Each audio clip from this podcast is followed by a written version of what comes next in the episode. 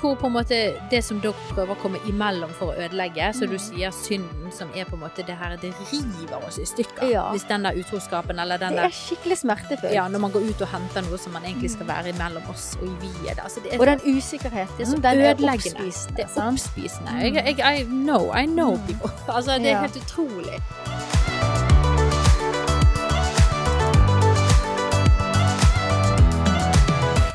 Hei, alle sammen, og hjertelig velkommen til Mammas hjerte-podkast. Det er en unik pod i et virvar av mange stemmer.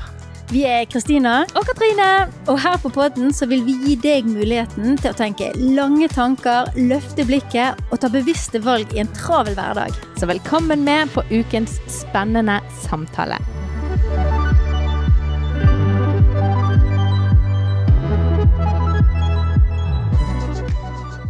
Yes. Da var vi på plass igjen.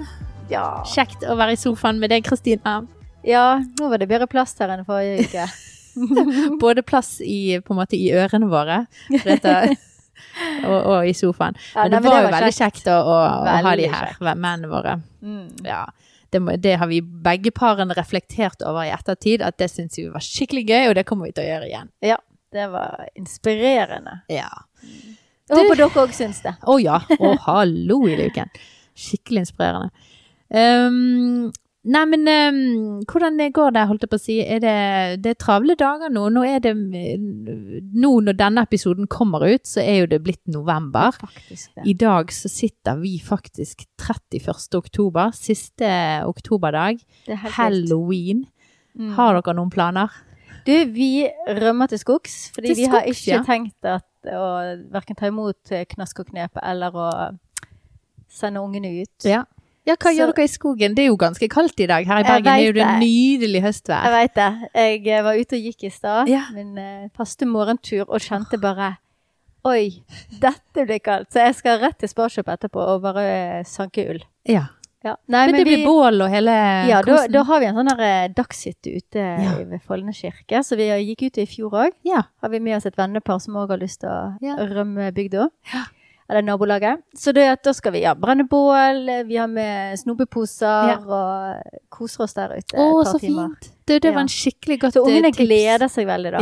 Ja. så det er veldig kjekt. Jeg husker vi, Det var, gjorde jo jeg i forbindelse med julekalender for noen år tilbake. Jeg, lagde sånn aktivitetskalender hvor vi skulle gjøre litt eh, kjekt. Og da gikk vi ut på sånn lommelykttur. Det var jo det eneste, at det var mørkt og en lommelykt. Og det, var, det husker jeg bare var sånn Ungene syntes var kjempegøy, da. Så da ville jeg jo tro at noe sånt som her ville jo bare bli Ja. utrolig sånn minnerikt eventyr. Ja, nå minner du meg på batterier. Ja. Vi må ha batterier til lommelyktene. Eller sånn hodelykter. Bare det å gå ut og Eller. lyse i mørket, det er jo utrolig spennende for ungene. Kjempegøy. Så kan vi snakke om det å være lys i mørket. Ja. Oi, den er dyp, den er god. Ja, for det var en, han eldste lurte på om han kunne ut og gå. Vi hadde egentlig sagt han kunne Ja. det. Eh, men da jeg hadde jeg litt lyst til å presse på han. Da må du gå rundt med Ja. eh, utkledd som et stearinlys og Ja. lys i verden. Men det vil han ikke, da. Nei, men det er ikke derfor han blir med oss. Han, syns det er veldig kjekt med den familien vi skal sammen med. Da. Så det, vi er veldig fornøyd med det. Ja. Slipper det maset og sjaset om å Nei, men det syns Se jeg var en god. Jeg har jo eh, pratet litt om dette med halloween eh, de siste ukene på mandagskaffen som vi har på Instagram hver mandag klokken ni. Så går jeg live der og har litt andakt og litt prat. Og der har det blitt naturlig at jeg, jeg, jeg er jo litt um, høylytt eh, rundt denne datoen. Det har jeg vært i mange år. Ja, men det er Eh, flott. Jeg begynte på Facebook og mase. Og, fordi jeg har lyst til at folk egentlig skal bare gjøre Istedenfor at vi skal ha en sånn saueflokk eller gnuflokk som bare følger etter eh, kulturen og samfunnet og mark... Altså hva det heter eh, Markedskreftene. Altså, det er jo veldig kommersielt. Kommersielle, ja. Mm. Så har jeg lyst til at vi skal oppgjøre, gjøre oss opp noen tanker. da. Hvorfor, hvorfor feirer vi dette? Er, har vi lyst til å være med på dette? Hvorfor Ja, hva er bakgrunnen bak det? Og jeg er jo litt sånn opphengt i den der frykten da, som jeg ser og opplever sjøl. Jeg, jeg har vært veldig var for frykt i min oppvekst. Jeg syns eh, jeg blir lett påvirket av det og får lett drømmer, for eksempel, eller lett mareritt. og og lett syns det er ubehagelig å gå ut, eksempel, hvis det er mørkt og sånne ting. Og derfor har jeg måttet være veldig var for min egen del, og derfor har jeg vært sånn instinktivt at dette skal ikke mine barn være en del av, fordi at det bare er Jeg vil ikke at de skal ha At jeg skal være bi- bidragsyter til at noe frykt kommer inn i deres liv. Så derfor har jeg hatt lyst til å snakke om det til folk, at folk skal tenke seg litt om at ja, hva er det vi gjør da? Mm. Det er jo veldig spesielt at du har på en måte denne oppbyggingen til denne ene dagen Mm. der vi skulle være på Europris med Ja. fireåringen vår. Mm. Og så på ene siden så er det sånne blodige skjeletthoder, Ja. og den andre siden så står det liksom ei heks Ja. ved inngangsdøren. Og det er bare sånn Hvorfor er det i orden? Altså, Sjuåringen vår var bare sånn, kom løpende 'Ester må se en annen vei!' ikke sant? Mm. Fordi han tenkte her kommer hun til å bli vettskremt. Ja. Hun er en liten tøffing, så hun vil jo bort og hilse på heksen. Så det er greit. Så det er sånn, Vi skal jo ikke gjøre det mer skummelt enn det er for barna. Men Ja. jeg òg tenker at dette her dette er helt innafor som kristne å stoppe litt opp og tenke OK, hva gjør vi med dette? Ja. Nei, så er det jo mange eh, Og så på en måte heller tenke alternativt, sånn som du sier, da. At eh, det finnes andre kjekke ting vi kan gjøre, sånn som gå ut i skogen. Jeg, det var noen som nevnte i år, faktisk, og det har ikke jeg tenkt over før, men det var et kjempegodt tips, og det var noen på mandagskaffen som ble inspirert og skal gjøre det samme. Det å gå på badeland den dagen. Ja. For det er jo sikkert tomt i alle badelandene når andre skal gjøre andre ting, så det var jo kjempelurt å, å gå på sånne vannkanten og ADO og sånne ting, da. Veldig lurt. Jeg hørte en sånn veldig god podkast, da. em, Ja. Akkurat rundt dette som kristne kan bare smette det inn her nå før uh, vi skal inn på det vi egentlig skal prate om. Det her er ikke en halloween-episode. Nei, de ser jo det, de som har sett overskriften. Ja, ikke sant? Der skjer det. Jo, men um, at den, noen ganger kan det være litt vanskelig. Ok, hvordan forholder vi oss til dette? Mm. Sant? Eh, Vi skal være vi skal liksom være i verden, men ikke leve som verden. Sant? Eh, Vi kristne kalte det. Um, og det kan jo høres litt rart ut for deg som ikke tror, Mm. men bær over med oss. Fordi det handler om at det er ikke alle ting av det som skjer, som samsvarer med det Bibelen sier. Men akkurat sånn da som med halloween, det står jo ingenting i, i Bibelen. Ikke kle ungene dine ut i skumle klær, Mm. og ikke gå på dørene der det henger uh, edderkoppspinn og sånne ting. Og det kan være litt vanskelig noen ganger å vite ok, hva er rett og hva er galt. Mm. Og da hørte jeg en veldig god podd her om at noen ting i Bibelen er jo veldig sånn Veldig grønt, kalte de det da. liksom At det er veldig tydelig grønt, rødt lys. liksom. Dette skal du gjøre. Ja. Dette kaller Gud deg til. Dette kaller Gud deg til å ikke gjøre. Mm. Og det er sant, sant, Du skal ikke drepe. Vi skal unngå baktale. Vi skal ikke være utro. Ja. Eh, og så er det noen ting som er sånn Vi skal gjøre. Eh, og så er dette da mer sånn i mellomland. Og da er det liksom tre måter vi kan møte det på. Det er enten å liksom eh, ta avstand fra det. Ja. Eller ta imot det. Bare Ja. tenke OK, det står ingenting tydelig i Bibelen, vi kan gjøre det. Eller eh, som de kaller det, redeem it. Da. Altså at du, du gjør det til ditt. Du tar den dagen og gjør det til noe som likevel kan være med og bety noe, da. Ja, som kan gå i tråd med dine verdier. Ja, så ja, veldig godt sagt. Ja. Sant? Og det er det jeg tenker at det er ikke eh, Det er ikke veldig sånn Vi kan ikke For det, det som var så spennende med den poden, var at eh, de gjorde det så tydelig at det vi i hvert fall da skal passe oss som kristne, Ja. det at når det kommer til disse tingene som er midt imellom, eller det er der du må sjøl kjenne på, sånn som de sa da det du da gjør, du stopper opp og kjenner etter hva sier samvittigheten din, Ja. sant? verdiene dine. Mhm. Hvordan er du et forbilde i dette? Ja. Og vil dine valg føre andre til fall? Altså vil det at du velger for eksempel å drikke et glass vin på en fest der det sitter et, eh, en krist, nykristen som har alkoholiserte foreldre. Mm. Det at du tar det glass vinet, ikke noe galt i det i Mm. bibelsk eh, forstand, mener noen av oss. Ja. Eh, men det kan føre din bror til fall, Ja. og da sier Bibelen det skal du da stoppe opp. Det betyr noe. Og jeg tenker det med sånn som halloween òg. Ja. Kan vi da se gjennom ok, men hvordan kan vi i hvert fall ha god samvittighet? Mm. Sånn som du sier, hvis frykt er en utfordring, Mhm. skal vi ha da noe med dette å gjøre? Eller hvis det er um, eh, Hvordan kan vi være et forbilde? Ja. Sant? Eller hvordan, hvordan kan vi gjøre det til at i hvert fall sørge for at ikke folk rundt oss blir forvirret? Bare hæ? Hva, hvor står, hva, hva mener liksom, hvordan, eh, hvordan, hvordan fungerer dette med det bibelske budskapet? Ja, ikke sant. Ja. Så vi skal ut i skogen da og tenne bål og si 'Dette er verdens lys', nå skal vi snakke om Jesus. Nei, Ja. nei men Lys i mørket. ja, bare lys i mørket. Men jeg tenker det kan være så god. Og det han da sa, som kristne Når det ikke er sånn rødt-grønt Ja. Det viktigste er at ikke vi dømmer hverandre. Ja. Så jeg tenker du tar ansvar for deg. Yes. Hva andre Preach. kristne velger å gjøre, det er faktisk opp til de. Yeah. Og det er det faktisk det viktigste vi passer på med hjertet vårt. For det er der det står 'døm ikke andre', yeah. og det er ingen fordømmelse i Kristus. Så akkurat med disse tingene, la oss bare ta de gode valgene for vår egen del. Yes. Men det ingen, vi har ingen rolle i å fordømme hva andre velger. Oh. Så det ble plutselig det.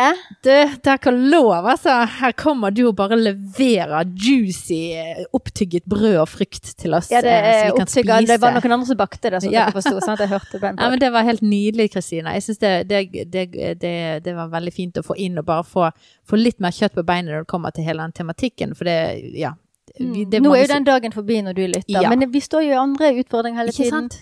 Sosiale medier, spill til ungene, Yes. filmer, valg. Ja. Bare det, ha det litt i bakhodet. den, ja. oh, Åh, så bra, altså. Mm. Nei, men så da håper jeg at eh, du som lytter er klar for litt eh, real talk her hos oss i dag. Nå skal vi Ja. eh, gå inn i eh, the real matter. ja.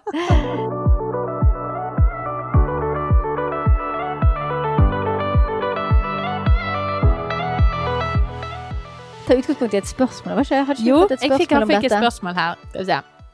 Forslag til en episode. Hva er egentlig utroskap? Ofte virker det som at utroskap begynner i det små, eh, både på, gjennom sosiale medier eller gjennom sosiale settinger. Hvilke konkrete gode grenser og rammer setter dere for egne ekteskap, og hvordan kan man kommunisere med hverandre på en god måte i en parrelasjon rundt dette temaet? Veldig godt spørsmål. Veldig. Eh, det er et stort spørsmål, og det er et utrolig viktig eh, spørsmål. Mm. Så det hadde vi lyst til å vie denne episoden til, egentlig. Ja. For det går jo litt inn i tematikken vi har hatt i det siste, både med kommunikasjon og mer eh, parrelasjon.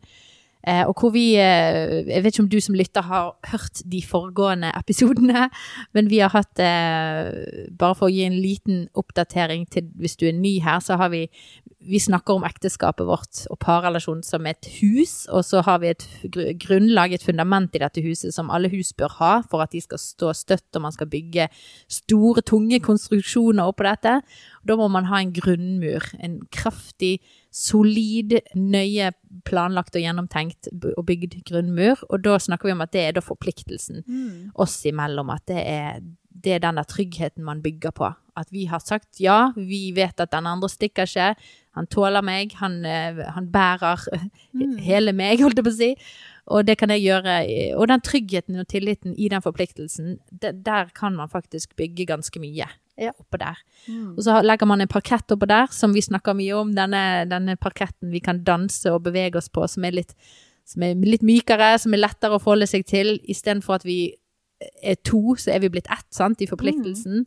Så, og da er det dette vi-et. Det er et oss. Det er et ekteskap. Det er ikke du og meg, og du er en dust, og jeg har rett i alt, og, eller Mm. i, sånt, i konflikter og kommunikasjon, men man snakker om osset og vi-et. Og hvis det er en, en som har en utfordring, så er det oss som har en utfordring. Det er ikke bare du som er Ja. Så, så det, det er den parketten som vi snakket om. Og der syns jeg det var interessant Petter var inne og forklarte at parketten kunne vært lagt i noen rom, men ikke i alle. sant? Og, Ja, det var et godt bilde. ja, og utforske det at ja, men er vi et vi nå, når vi, vi går inn i dette med utroskap, da? Mm. Er vi et vi her, eller Mm. snakker jeg bare til deg og du til meg? Og, eh, og, så det er litt sånn en, en tanke vi må ha med oss, at vi skal ha vi-et med oss før vi, når vi bygger et rom, da. Ja. Og hvor, sant, det første rommet vi bygde var konfliktrommet, og der kjente han at han lenge hadde vært ned på, eh, harde betongen. betongen, ja. Ja. Og du hadde, og der Begynte å gått prøve å bygge litt eh, parkett borti hjørnet. og der har dere liksom gått en kjempeviktig og god lærings- og, og runde på det, da, at, eh, hvordan det konfliktrommet skal se ut. Og så har vi snakket om kommunikasjon som et eget rom, egentlig. For det sant, man kommuniserer jo ikke bare i konflikt, man kommuniserer jo Ja, i alt man gjør. faktisk. Så det var viktig, altså et rom som vi snakket om. Og sist gang så var vi litt innom dette med, jeg vil kalle det et nytt rom vi lagde i siste episode med mennene våre, som er dette med egentid. Ja. Eh, og at vi har fått snakket om dette, for det brukte vi god tid, eller brukte god tid på å snakke om det med i forhold til både som mor og som far, men også som mann og kvinne. Hva er utfordringene? Hva, er liksom, hva trenger man i forskjellighetene og i eh, de ulike rollene man har eh, i forhold til dette med å vokse, få hodet over vann, finne seg sjøl. Ja, så vi, det var liksom egen tid, da. Ja, for det er det der at vi skal bli ett, ikke én. Ja. Altså, sånn, at vi skal jo fremdeles være to individer for Ja. å få dette til å funke. Ja. Og i dag så har vi lyst til å så, så lage et nytt rom. Snekre opp, lage s- stendere og eh, Jeg vet ikke sånn at du, Jeg klarer ikke dette. Jeg, jeg vet ikke hvordan man bygger rom. vi må lese oss litt opp på byggfag. Men, men det er jo litt eh, Vi må i hvert fall ha litt sånn isolering, isolering? Isolering, og så må vi ha litt gipsplater utpå. gipsplater og Ja. kanskje litt uh, maling. Yes.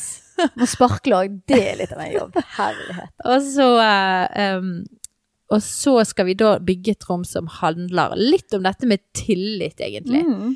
Og hvor vi har lyst til å bruke litt god tid, både denne episoden og neste, Mm. og, og utforske dette rommet, da. Fordi at eh, i forhold til utroskap, da, som ble dette spørsmålet, hva tenker du, Kristina? Når, når begynner utroskap? Åh, godt spørsmål. Ja. Altså, jeg, bare tenker det er den der parketten må jo på plass inni det rommet. Sant? At det er et vi. Og det vi-et må være hellig for begge to. Mhm. Og det er, det er utrolig viktig å ha liksom litt på plass. Når oppleves det for en av partene at vi-et slår litt sprekker, liksom? At, at det faktisk begynner å gå utover grensene for hva som føles som trygt. Mm. Altså at, at, for et utroskap vil jo være, tenker jeg, når det som er meint å være vårt, Ja. får en tredjeperson en bit av. Ja. Uten at den andre er involvert. Mm. Sant? Um, og folk kan jo tenke forskjellig om når ja, tid en opplever å uh, At en tredjeperson får en plass en ikke skal ha, da. Mhm. Og det blir utrolig viktig å snakke om. Og jeg tenker uh, Noen ganger så er jo ikke det i utgangspunktet et samtaletema som trengs å tas hvis tilliten er der. Mm -hmm. sånn? Jeg tenker det er ikke sånn det er ikke nødvendigvis sånn at en trenger å sette seg ned de første årene i gift og bare sånn OK, så her går grensen min for utroskap. Mm. For det kan jo noen ganger bare framprovosere en sånn at det handler mer om kontroll. Ja. Sånn? Og at det blir mer et fengsel og en opplevelse av at eh, her binder Her liksom Ja, Ja. som du sier, kontrollerer man, og, og istedenfor å Ja, for det, det som er utrolig viktig når det kommer til eh, dette med utroskap, er jo akkurat det, grunnen til at vi putter det inn i trygghet og tillitsrommet, Ja. er jo fordi at det må jo være basert på tillit. Fordi at tillit, der inne er det ikke kontroll. Ja. Det er liksom viktig å få på plass òg at du bygger ikke tillit parforkontroll eh, Parforkontroll? Altså, Det var hva skjer Det nå? Jeg kunne ønske jeg kunne skylde på amming. Nei da, det er bare et oktoberhode. Ja. Eh, men eh, ja, altså, du kan ikke ja, Hva var det jeg Par, prøvde du kan ikke bygge liksom? et parforhold på Ja, kan... ja, tillit i et parforhold på kontroll. Ja, parforhold på kontroll. oi, oi, oi.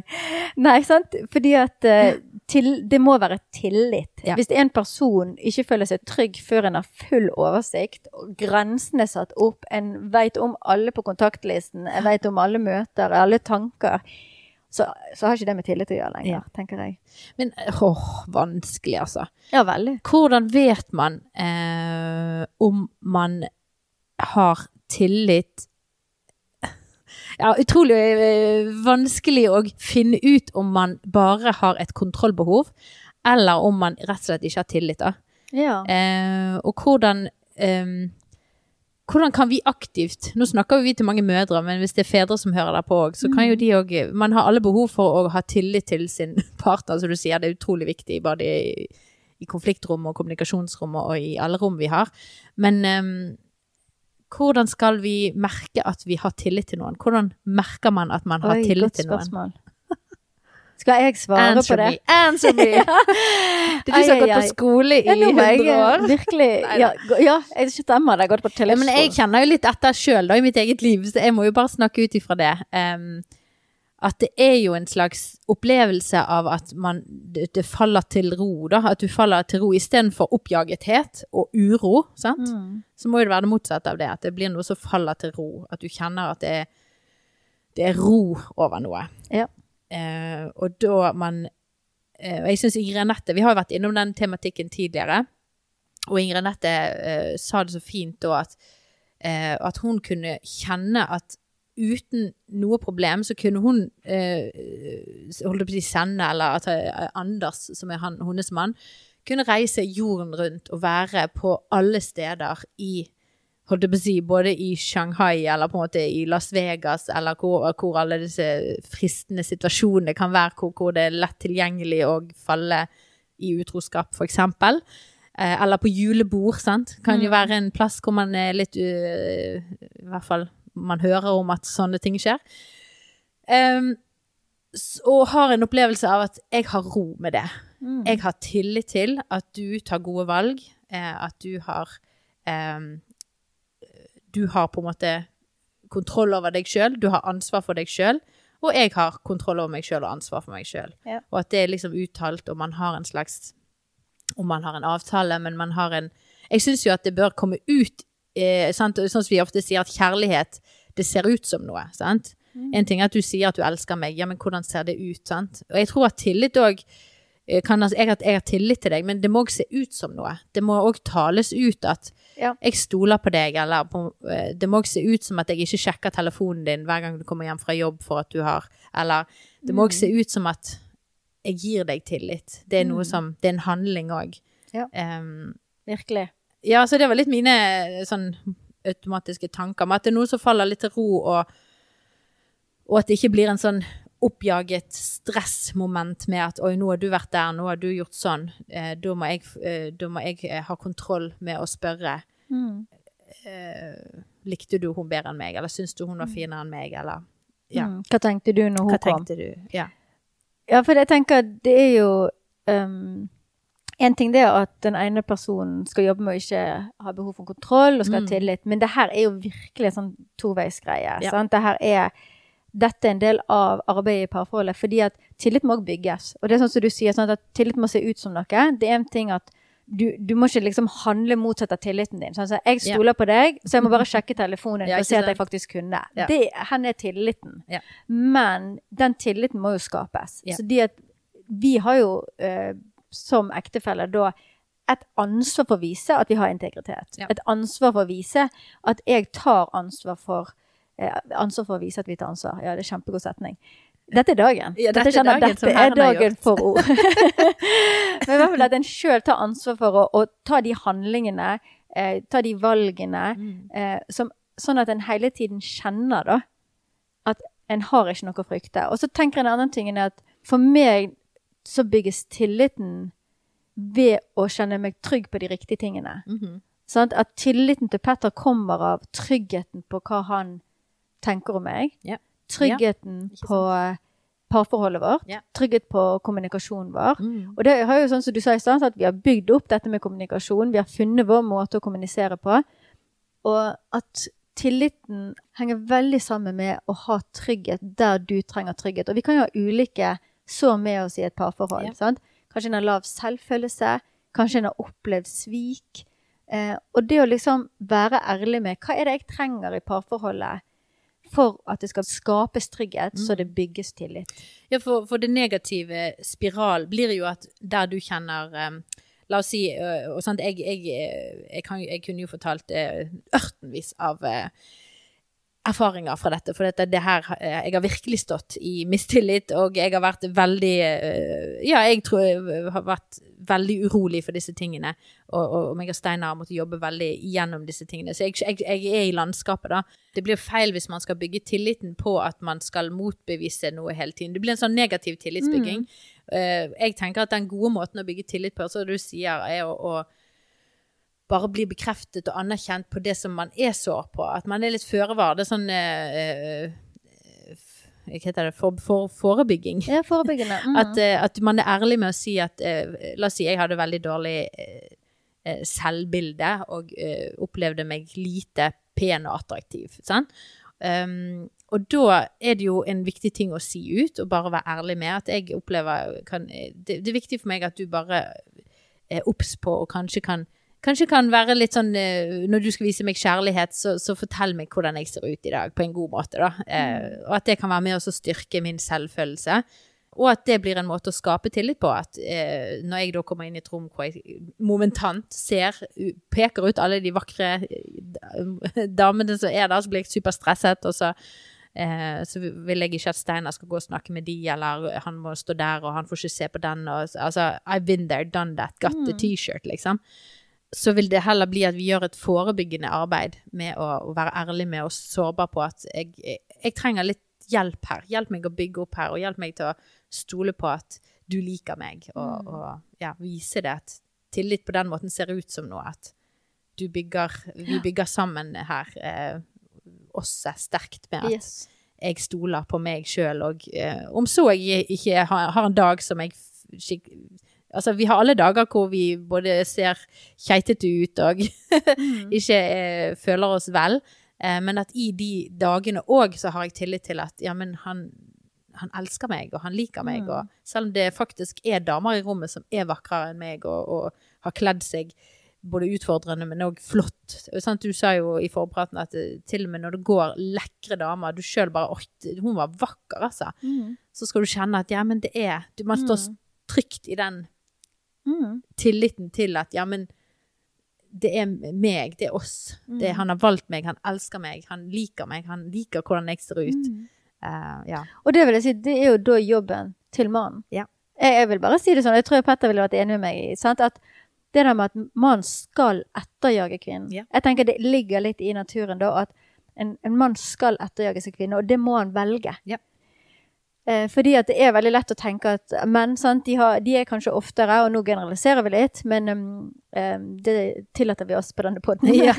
Det har vi gjort ofte. det har vi gjort ofte, så du må bare se gjennom fingrene hvis ikke du kjenner deg igjen. Ja.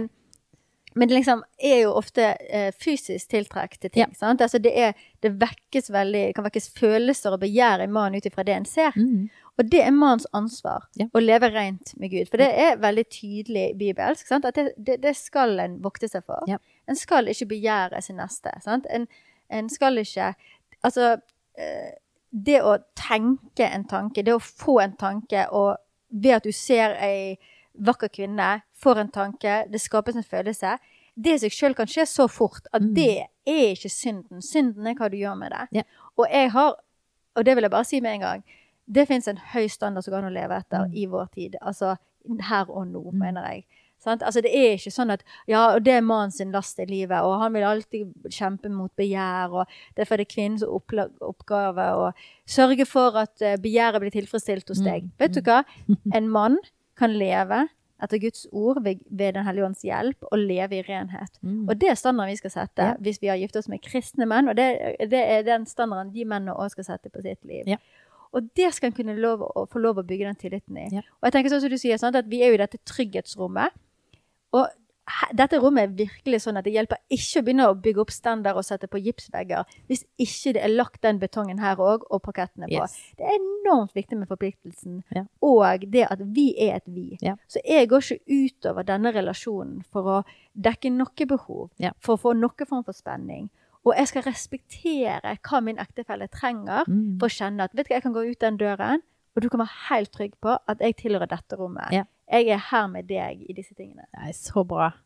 Gåsehud. Gåsehud. Virkelig, altså. Det der er Det er så viktig, og det du sier med at eh, den standarden kan vi snakke om Ja. at fins og kan være høyere. Og det heier jeg frem at menn snakker om. Ja. Og jeg vil bare utfordre liksom ekte, eh, ekte menn som sliter med begjær. De kan slite med porno. Ja. De kan ha med seg pornoutfordringer som de kanskje er ferdig med inn i ekteskapet. Men, men dette med lyst og dette med begjær Hvis du ikke har kompiser eller mentorer eller forbilder i ditt liv som forteller deg at det fins en høyere standard, men du Mhm. bare har folk rundt deg som sier 'ja, jeg sliter med det, ja, men jeg unngår det', Mm. eh, liksom, jeg, så godt jeg kan, liksom Ja. så er ikke det godt nok. Mm. Du må skaffe deg stemmer i ditt liv som hjelper deg å løfte blikket og si 'dette kan du være helt fri fra'. Ja. Fordi at Gud Ekteskapet er jo en sånn som vi snakker om, det er en sånn pakt. Sant? At Gud er med på dette. Gud sier at dette er, jeg er med dere i denne relasjonen. Mm. Dette er mer enn et kjæresteforhold. Dette er en liksom forpliktelse der han vil gi oss det vi trenger. Og det må vi stole på i dette òg. Ja. uansett om vi er utstyrt med aldri så mye begjær, så tenker jeg at uh, med Guds hjelp så skal ekteskapene klares å holdes helt rene. Ja. Og de gangene en kommer i faser der dette blir liksom en stor sånn um, prøvelse Ja. Hvis det skjer ting, hvis en går inn i kriser, hvis det, dere er, får avstand pga. andre ting, og så kommer det snikende inn at det er mer spennende med en kollega, det er mer spennende med Ja. å åh, kunne bare gå inn på dataen og bare Mm. kjenne litt grann på et eller annet ikke du lenger kjenner på. Sant? Det er så utrolig viktig å se det som en kamp for ekteskapet. Og jeg Ja. tenker, jeg har lyst til å utfordre kvinner òg som har menn som sliter med dette.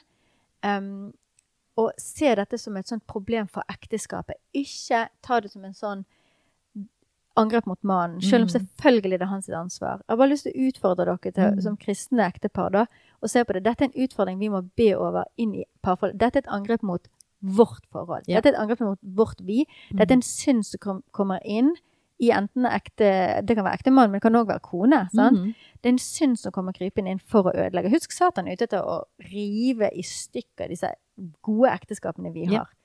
Altså, han hater viet vårt. Ja. Sant? Selvfølgelig vil han komme krypende inn da med synd og fristelser, og se det som det istedenfor at det blir en kamp mellom dere. For det kan være en tøff kamp å stå i. Ja. Og så selvfølgelig oppsøk hjelp. Det er ikke Sliter dere med dette sånn ordentlig at For nå er vi jo inne på utroskap, og jeg Mm. tenker at pornografi er en del av utroskap. Ja. Det, der stiller jeg meg. Det er jo Mm. spennende å høre hva andre tenker. med. jeg tenker porno er utroskap Ja. fordi at den går et annet sted med det som er ment for ekteskapet. Ja. Og hvis det kommer inn i ekteskapet og skaper splittelse, så er det ekstremt tungt å skulle stå og være eksempel at konen skal være Eller, eller mannen, hvis det er andre veien, skal være på en måte den eh, accountability-partneren. Altså, hvordan kan vi si det på norsk? At den som ansvarliggjør, Ja. følger opp. For da kommer vi inn på kontroll. Yes, det er akkurat det. sant? Og, og hvor eh, Her blir det utrolig sårt og vondt hvis man skal gå og kontrollere ting. Det blir en byrde da, å Mm. stå i og bære. Og det, det Been there, done that, got the T-shirt. Altså, det er um, Det er så opprivende, og det er så ødeleggende for viet. Hvis man Ja. skal gå inn der at den ene skal eh, Bære ansvaret. bære ansvaret, den andre skal gå og så sjekke og passe på at her er det eh, rent i skapene, sant, i linjene. Eh, det, det er så ødeleggende. Så det er så Mm. viktig det du sier her, med at her, eh, om det er noen steder hvor parketten eh, og grunnmuren må være på plass, så er det i Mm. dette rommet med Mm. tillit og trygghet. Mm. Så, så, men det var det jeg, jeg For hva andre ting eh, Nå sa jo du det rett ut, dette med at du, du og jeg er enig med deg, at jeg eh, mener at det med pornografi eh, er utroskap. Men hva andre ting kan utroskap se ut som? For det, det kan jo være at eh, man har en eh, nær relasjon med en kollega, eksempel, av Mm. eh, Jeg vil jo si spesifikt av motsatt kjønn, som, som kan fylle et, eh, et behov på ikke bare det seksuelle, men òg det emosjonelle Mm. hvor man òg skal være litt varsom. Jeg har jo, eh, hvis jeg skal vise Et annet område, da. eh, Så, så har jeg vært veldig, eh, veldig nøye på at eh, Steinar ikke Eller vi har måttet snakke om at det har vært viktig for meg at Steinar ikke følger opp og har mentoransvar for unge jenter som ikke er i parrelasjon. Det har vært greit hvis de er i, i egne parrelasjon, det har jeg opplevd sjøl at det, der går liksom det en grense for min del. Det, men hvis det er noen som er single og er akkurat i den alderen hvor de trenger en, Mm. en mann i sitt liv, eller man, man leter etter det, så kan ha fått linke med det når du får en slags mentor eller en leder som skal se deg og følge deg opp. Så kan det bli en sånn Man gjerne ikke har den intensjonen i hjertet sitt sjøl, men som kvinne så, så er, har man liksom en et enormt behov for den både bekreftelsen og den kjærligheten og det å bli sett av både en far, men òg av en ektemann. eh, Som man kan legge et sted som ikke er riktig, og hvor det kan komme inn i, en, i et ekteskap som, eh, som en sånn ting som du sier, at det er egentlig noe som skal være i ekteskap, og ikke ut mot andre, ut mot en tredjepart. Hvor jeg, hvor jeg har opplevd at det har vært på grensen til usunnhet noen ganger, og jeg har kjent at her, dette syns ikke jeg er greit, den relasjonen syns jeg er vanskelig. Eh, Så vær litt var for det at her er det noen som linker til deg på en måte som jeg opplever er litt Og gjerne han ikke har tenkt over det sjøl, at ja, men det er jo bare noen jeg er mentor for, men så blir det en usunn kobling, da. Mm. Så her òg vil jeg eh, bare utfordre til å ta en god samtale. Hvis man har, eh, sånn spesielt i kristne sammenhenger, så har man jo eh, gjerne mentorskap, man, har internship, hvor man gjerne eh, jobber tett på og, og står i nær relasjon på en måte både, ikke bare sånn praktiske, sånn man jobber med en sak, men òg det åndelige, sant. Og der kan det bli noen sånn åndelige bånd som blir koblet. Man har jo sjelelige bånd som blir koblet, spesielt i det med sex. Så, så knyttes noen bånd, eh, og dette er jo forsket på, det er ikke bare vi som mener, dette er jo ting som faktisk Det blir koblet noen fysiske og sjelelige bånd når man har sex, som, som vil vedvare, som vil henge ved oss. Holdt jeg på å si på godt og vondt, det har vi om det er med én, vår den tillits... Ja. Eh, så, er det, så det er en tillitserklæring å kunne ha og gi det mest intime du har med noen, da. Og der opplever jeg som en kristen som tror at vi er både ånd, sjel og kropp, så opplever jeg at vi har, vi har en ånd, og at vi òg åndelig kan knyttes med folk. Og, og at eh, der skal vi òg være vare for i relasjonene våre. Hvor, hvor er grensene, hvor er det sunt, hvor er det godt, hvor er vi liksom henne? Eh, i, I hvilke samtaler har jeg, hvem er i det rommet når jeg har de samtalene, hvor dypt går vi, ja, hvordan er vi i, i sesong i livet, sant. Så for dette, det- med en gang det kan bli litt usunt, så kan det fort vippes over i, i fysisk usunnhet, eksempel. Og det er jo det, gjentatt historie på opp gjennom i kristne sammenhenger at det har blitt til, til utroskap i det, altså i fysisk og seksuell utroskap. Når man har stått i sånne nære relasjoner. Så, så den eh, vil jeg bare slenge inn der som en sånn Men det er òg en ting som jeg tror vi kvinner har òg lett for å kunne koble med La oss si at vi syns det er vanskelig å koble med vår ektefelle på et emosjonelt nivå, da. Eh, og så går vi kanskje ut og så søker det. Og her vet jeg Trine på podkast, nei, på Snap-kanalen vår har vært veldig ærlig med at at hun har til og med et, et nivå av en grense hvor hun opplever at hun gjerne eh, blir emosjonelt tilfredsstilt av å se på eksempel eh, serier, altså sånne jentetype serier som fyller et behov av en emosjonell kobling, da. Jeg har aldri tenkt over det før, men hvor det har satt i gang en del tankebaner hos meg. Hvor jeg kjente at ja, her er det kanskje noe jeg bør tenke litt over. Mm. legger jeg eh, mer emosjonell tilfredsstillelse i å se på noe eller være, snakke med noen andre, enn det jeg gjør i møte med Steinar. Og deler jeg ut noe som egentlig jeg skulle delt med Steinar. Men så tenker jeg også at For det å finne balansen mellom at Mm. Vi har jo snakket om tidligere sånn, hvordan ektefellen skal ikke være alt for oss. Ja. Og han kan ikke dekke alt for oss. sant? True. Sånn at eh, det blir ikke utroskap med en gang enhver ting som er viktig i livet, ikke er retta mot ektemannen. Ja. Sånn? Men det er jo det der med å finne ut hva er vårt vi. Ja. For, for Sett at du har en mann da, som ikke lytter til dine innerste tanker og følelser, og du og kanskje du snakker med han om det, og han bestemmer seg for at han skal begynne å lytte litt når du snakker, men du kjenner at du blir ikke møtt som du trenger. Ok, Ja. Da trenger du kanskje ei god venninne. Da Mm. trenger du kanskje å snakke med moren din, eller eh, noe andre. Ja. Sant? Det er jo selvfølgelig ikke utroskap, og det er vi Mm. jo sikkert enige her. Ja. Og det er kanskje der at hvis vi prøver å dekke et behov som egentlig skal høre til i ekteskapets rammer, i vi er der, Ja. Så må jeg begynne å så, Ja, utroskap kan jo være et veldig sterkt ord for noen, da, men jeg tror det der å være var, sånn som de spør, når begynner det? Ja. Det må kanskje være når vi begynner å dekke behov andre steder. Ja. Og det er utrolig viktig da, å snakke om hva er de behovene jeg kjenner at vi skal være, og liksom òg anerkjenne at ok, dette, dette som er et grunnleggende behov for meg, kan òg dekkes av andre. Eh, det trenger jo ikke å være galt, sant? Som en dyp samtale med noen andre. Mm. Men jeg tror òg, jeg er så enig med deg, Katrine, at det er ikke nødvendigvis noe du tar med en kompis. Ja. Sant? Altså, det er noe med å være var der. Og der er kanskje jeg og deg veldig konservative Ja. eh, rundt disse tingene. Og vi tror jo det er veldig bra. Neida. Ja, det er rett og sant. Dette, det er rett og sant, og så kan du mene noe annet. Nei da. Det var veldig, veldig flåsete sleivspark.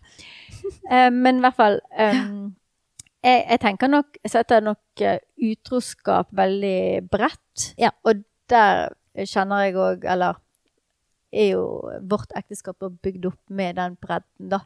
Det er der vi, vi setter det ikke bare på fysisk eh, utroskap, på en måte. Mm. Jeg, jeg ville aldri ha bygd en relasjon med en mann Mm.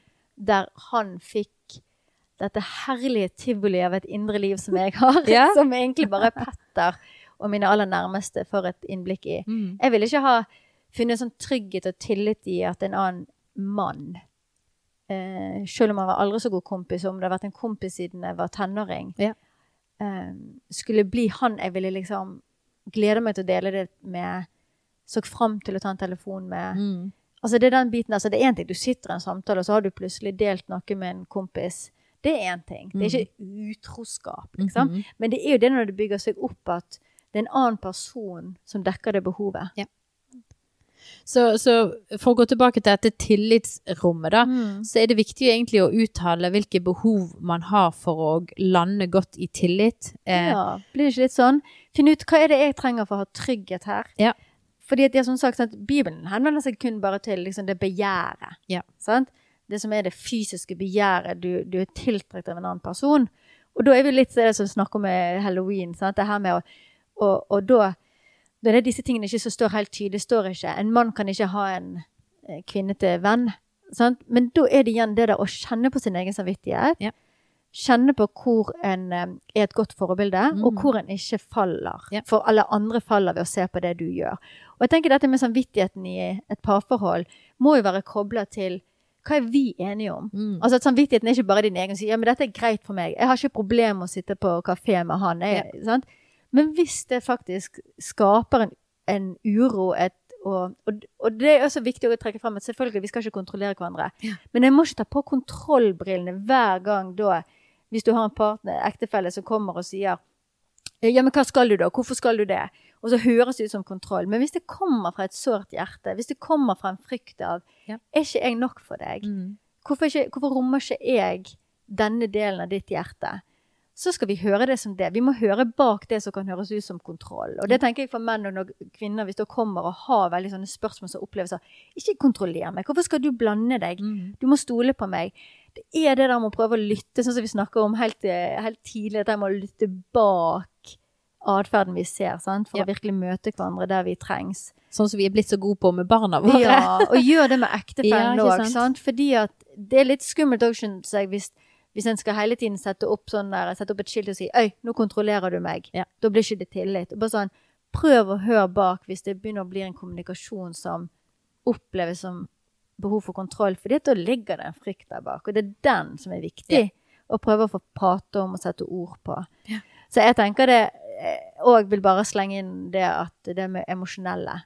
Ja. At jeg tenker det er ikke bare det fysiske, det emosjonelle, det indre livet. Det er sånn som vi snakker om tidligere øh, med dette her øh, kommunikasjonsrommet og konfliktrommet. Dette her med kjærlighetskartet. Dette med at Ja.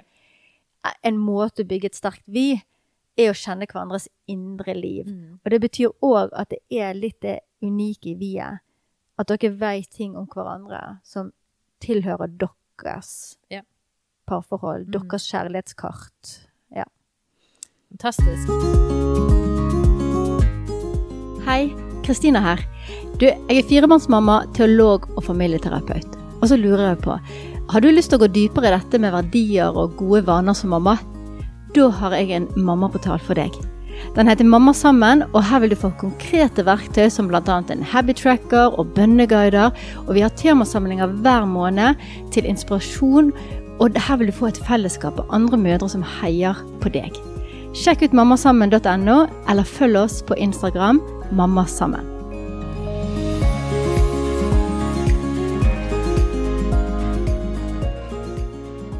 jeg kan liksom ikke komme utenom dette, denne tematikken uten å sant? Nå er jo vi, vi kristne, og det vet jo dere som lytter på, men jeg vet òg at vi har lyttere som ikke er kristne, og ikke har med den dimensjonen gjerne inn i, i ulik eh, ting vi snakker om. Mm. Men, men jeg klarer ikke å liksom snakke om dette med tillit og trygghet og fred i relasjon hvis ikke jeg For dette har vært så viktig for min egen del, da.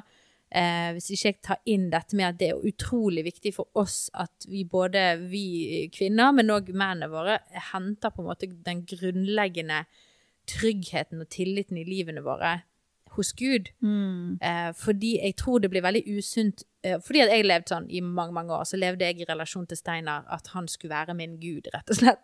Uh, han var gud for meg, og han skulle fylle alle mine behov, dekke alle mine, se alle mine liksom svakheter og, og liksom fylle meg opp og bekrefte meg og anerkjenne meg og se meg, og, og det ble utrolig Og det var litt det der, det ble så usunt, og var, jeg kontrollerte så mye fordi at eh, jeg var redd for at han ga det ut i andre. Og ja, det var kanskje litt usunne greier der som vi måtte jobbe litt igjennom. Og, men jeg, jeg fyrte det jo opp på grunn av min, min usikkerhet Mm, og min skjønner. utrygghet. Så jeg fyrte jo det opp i meg. Mm. sant? Og ble jo, jeg så jo for meg scenarioer eh, som ikke spilte sted i det hele tatt i hans liv og hans hverdag.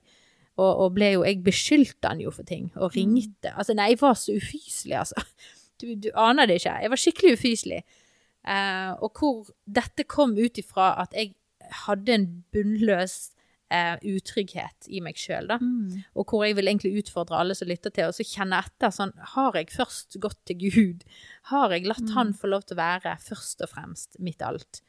Eh, og jeg kjenner at i mitt liv så har det vært det har vært livsforvandlende. Når jeg endelig skjønte at eh, det er ikke Steinar som er min gud, det er Gud som er min gud, og jeg skal gå til han først og fremst for alt. Og så skal jo parrelasjon absolutt være viktig, og man skal fylle, og man skal jobbe med disse tingene. Men, men man kan bli litt sånne, u, sånne utømmelige eh, brønner eh, som, som, trenger en utømmelig behov for å bli sett mm. og anerkjent og brukt tid med. Litt sånn som Steinar var inne på i sist prat, at man blir en kontrollerende, fengsle, needy mm. eh, person. Og det var meg eh, for noen år tilbake. Men tenk så fantastisk, da. Et ekteskap ja. der begge liksom vender blikket sitt mot ja, Gud. Først, fordi at, liksom. ja, mm. fordi at både en får lov å se seg sjøl ja i Gud, altså i det Gud, hvordan Gud ser på oss, den identiteten vi har i Jesus, men òg se ektefellen vår. Og hvis begge gjør det ja. altså Det er jo sånn som jeg sier til ungene mine Jesus sier 'vær mot andre som du vil de skal være mot deg sjøl'. For tenk hvis alle lever deretter. Ja. Da har vi det så bra. Ja. Og det er det samme liksom da i ekteskapet. Liksom, tenk hvis begge vender blikket sitt, finner tryggheten sin i den en er skapt til å være. Fordi det gjør noe med oss. Altså, det er jo helt fantastisk. Og da har lyst til, Det var fantastisk at du delte, eh, Katrine. Du er Ja, men det er så flott hvor ærlig du er. Ja, jeg har ikke gått på noe studie, men det er det har vært mitt studie. Selvstudie. Ja, ja og så tenk òg Jeg har bare lyst til å slenge da inn der eh, den utrolige gaven det er hvis vi koner ber for mennene våre. Ja. Altså hvis du, hvis du kjenner at det er liksom utfordrende, og hvis du ser òg at han har utfordringer, eller du, du vet at dette er en kamp for han mm. Vet du hva? Det er viktig å prate sammen, men det er helt enormt mye kraft og makt mm. i bønnene vi ber for familiene våre, og spesielt ektefellene. Og vi, jeg har et vitnesbyrd fra, eh, fra, folk som har bedt for mannen sin. Og så reiser han seg opp, kanskje noen år etterpå. Men det å bare altså Nå får jeg frysninger. Bare det, det der å bare hva den kona satte da og bedt og bedt og bedt, og sikkert krangla innimellom, og mm. kommentert og kritisert, men også brukt tid i bønn. Ja. Og så få lov å reise seg. Uh, og jeg tenker det igjen, bare dette med at de tingene som kommer inn i ekteskapet som er synden vår Husk, det er kommet for å ødelegge. Mm. Og hvis vi klarer å se det sånn Denne synden vil jeg be beskyttelse for ja. over min mann. Ja. Det å be over mannen vår, det å be om integriteten, og, og bare håper ektefellene, altså ektemennene òg, reis dere i bønn for konene deres. Ja. Så altså det er det som er med å feste blikket på Gud. Sant? For, oss sjøl, men for hverandre. Altså da da står en stødig i en ganske mange stormer. Ja, og hvor på en måte det som dere prøver å komme imellom for å ødelegge, så mm. du sier synden som er på en måte det her, det river oss i stykker. Ja. Hvis den der utroskapen eller den der Det er skikkelig smertefullt. Ja, når man går ut og henter noe som man egentlig skal mm. være imellom oss og i viet. Altså, og den usikkerheten. Det er den er oppspisende. Det er oppspisende. Jeg, jeg, I know, I know mm. people. altså, det er ja. helt utrolig. Du blir et, en fille av deg sjøl, altså. Mm. Eh, det, men, men, hvis man da sant, Det er det jeg opplevde, akkurat det du sier der, at du på en måte du gjør et valg i livet ditt. Og jeg måtte gjøre et konkret valg. bare sånn der, Hver dag så står jeg opp, og så liksom bytter jeg fokuset mitt på innsiden, da. Mm. Nei, det handler ikke om Steinar. Jeg elsker han, og jeg har gitt hele mitt liv til han så lenge jeg lever her på jorden. Men først deg, Gud. Mm. Jeg elsker deg. Jeg har gitt hele mitt liv til deg, og jeg trenger deg i dag. Fyll meg opp. Liksom, møt meg. Jeg, jeg, er helt avhengig av deg. Jeg går til deg først. Jeg velger liksom bare sånn i en periode bare måtte jeg liksom nesten skrive det ned på en lapp og huske det hver dag, sånn at jeg liksom skulle komme inn i en ny Det er jo et nytt sånn vanemønster av hvordan du tenker, hvordan du liksom mm. begynner dagen din, da. Men hvor da, istedenfor akkurat som du sier, at det blir en, en kjempeutfordring for at jeg er så tom, og du er liksom så Du går ut der, og du bare øh, sånn, Så blir det en sånn enorm splittelse imellom ja. oss, mm. eh, og usunnhet i begge to. Og det, du, du, inviterer jo inn Ja, nei, det er bare mm. Så kan jeg stå eh, solid i den tryggheten og den kjærligheten som jeg faktisk opplever ifra Gud. Og så kan jeg heller, istedenfor at jeg angriper, så velsigner jeg og ber for, mm. sånn som du sier. Og da, da har jo vi parketten på plass. Mm. Da går jo du ut ifra at vi er et vi. Det er noe som kommer og skal ta noe ifra oss. Ikke på tale, liksom. Istedenfor at man blir disse her eh, ofrene for eh, liksom det, det kjipe som en, den ene parten gjør, da, så kan man heller liksom reise seg og si at nei, vet du hva, dette er ikke greit mot oss. Eh, be for det og liksom passe på å i kjærlighet møte mannen istedenfor å si at eh, jeg skjønner dette er utfordrende, men hva kan jeg gjøre for å sant, For, for meg ja, Altså, har, jeg har jo fortalt det tidligere, eh, og Steinar kunne sikkert vært med på denne praten, men for oss så, ble, så har jo dette med eh, sex og pornografi vært kjempevanskelig. Eh, og Steinar har vært ærlig med det før, og, og, og hvor det var en utfordring hos oss òg. Og hvor jeg har slitt med dette med å gi meg inn i, i sexlivet, og jeg har syntes det har vært utrolig vanskelig å vinne liksom den biten av mitt liv, da. Og hvor vi har jobbet og jobbet og jobbet, og jobbet med det. Og hvor han har måttet jobbe sin bit, men hvor jeg òg må jobbe min bit. For hva er det han trenger for at skal, han skal få noe ut av det som han trenger i sin i relasjon? Jo, han trenger at jeg faktisk um, Jeg gir meg til sexlivet vårt også. Jeg har måttet steppe opp og ta noen valg som kanskje ikke eh? Jeg har nødt til å måtte gi inn der, og måtte jobbe med det som jeg syns er ubehagelig og vanskelig, og, og måtte, eh, måtte love, eller vi har en avtale, eh, vi skal ha sex en gang i uken. Sånn er det, på godt og på vondt, holdt jeg på å si. Fordi at det er utrolig viktig for at ikke det skal det har noe med denne beskyttelsen. Det er oss. Vi skal, vi skal søren meg vinne dette sexlivet vårt, og ingenting skal få komme imellom. Og da må jeg gjøre min bit, og Steinar må gjøre sin bit, som er å holde seg, eh, sitt hjerte rent i forhold til valgene og, og liksom, ting han går til. Da. Og hvor han gjør det, og hvor jeg er nødt til å møte opp med min bit, som er å være til stede i sexlivet vårt. Så, så hvor jeg opplever at det er så mektig når vi tar noen sånne vi jobber med osset. Dette er noe som ingenting skal få komme og røve ifra oss. Og, og, og så blir det en sånn kampområde hos begge to, istedenfor at det blir sånn Å, du. Jeg syns at dette er vanskelig, og jeg klarer ikke å gi meg inn i det, og du bare går ut og henter uh, dine seksuelle eh, behov hos, på noe annet, eller hos noe annet. Sant? Så, så det er mm, Jeg tror det ligger eh, noe arbeid hos begge parter for å klare å vinne viet, da. Ja. Er, ja. Ja, virkelig. Så det var masse greier.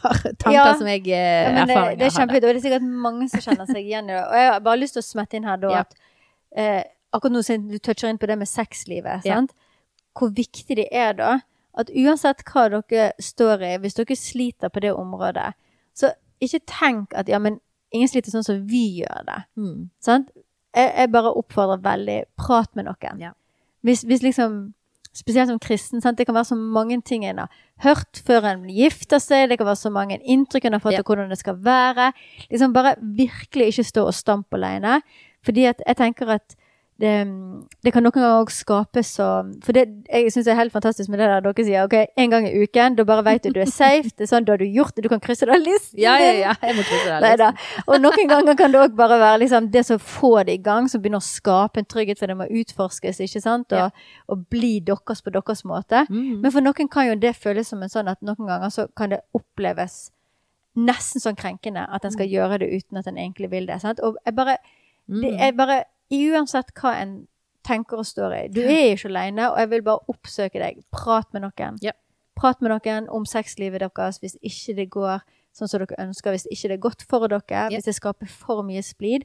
Fordi vi snakker for lite om det kristne sammenhenger, men vi får input på det hele tiden. Ja. Så bare få vekk den tabuen, prat Yes. med noen hvis du trenger det. Guri, vi kommer innom mye, eh, Katrine. Altså, Ja. Sier i starten bare sånn du, Kanskje det blir en litt sånn kort prat. Vi snakker bare litt om utroskap.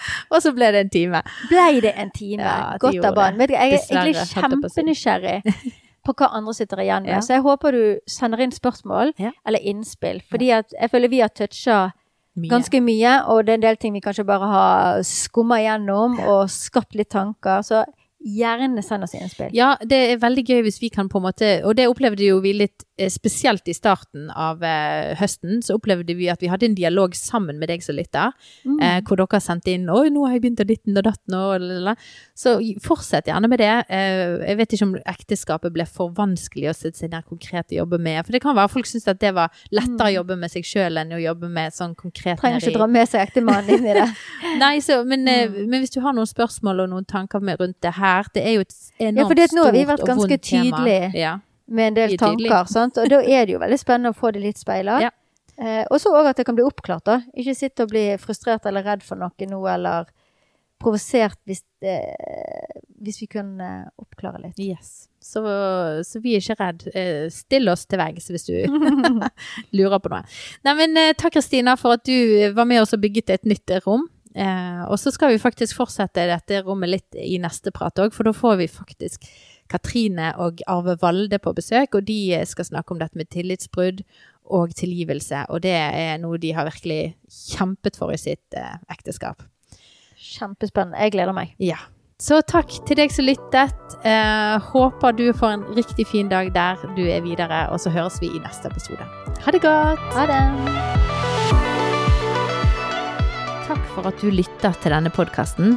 Hvis du har spørsmål, tilbakemelding eller eh, forslag til tema og gjest, så må du gjerne skrive en mail til meg på post alfakrøllmammashjerte.no. Og følg oss gjerne på alle de andre sosiale medieflatene som Instagram, Snapchat, TikTok, YouTube og Facebook.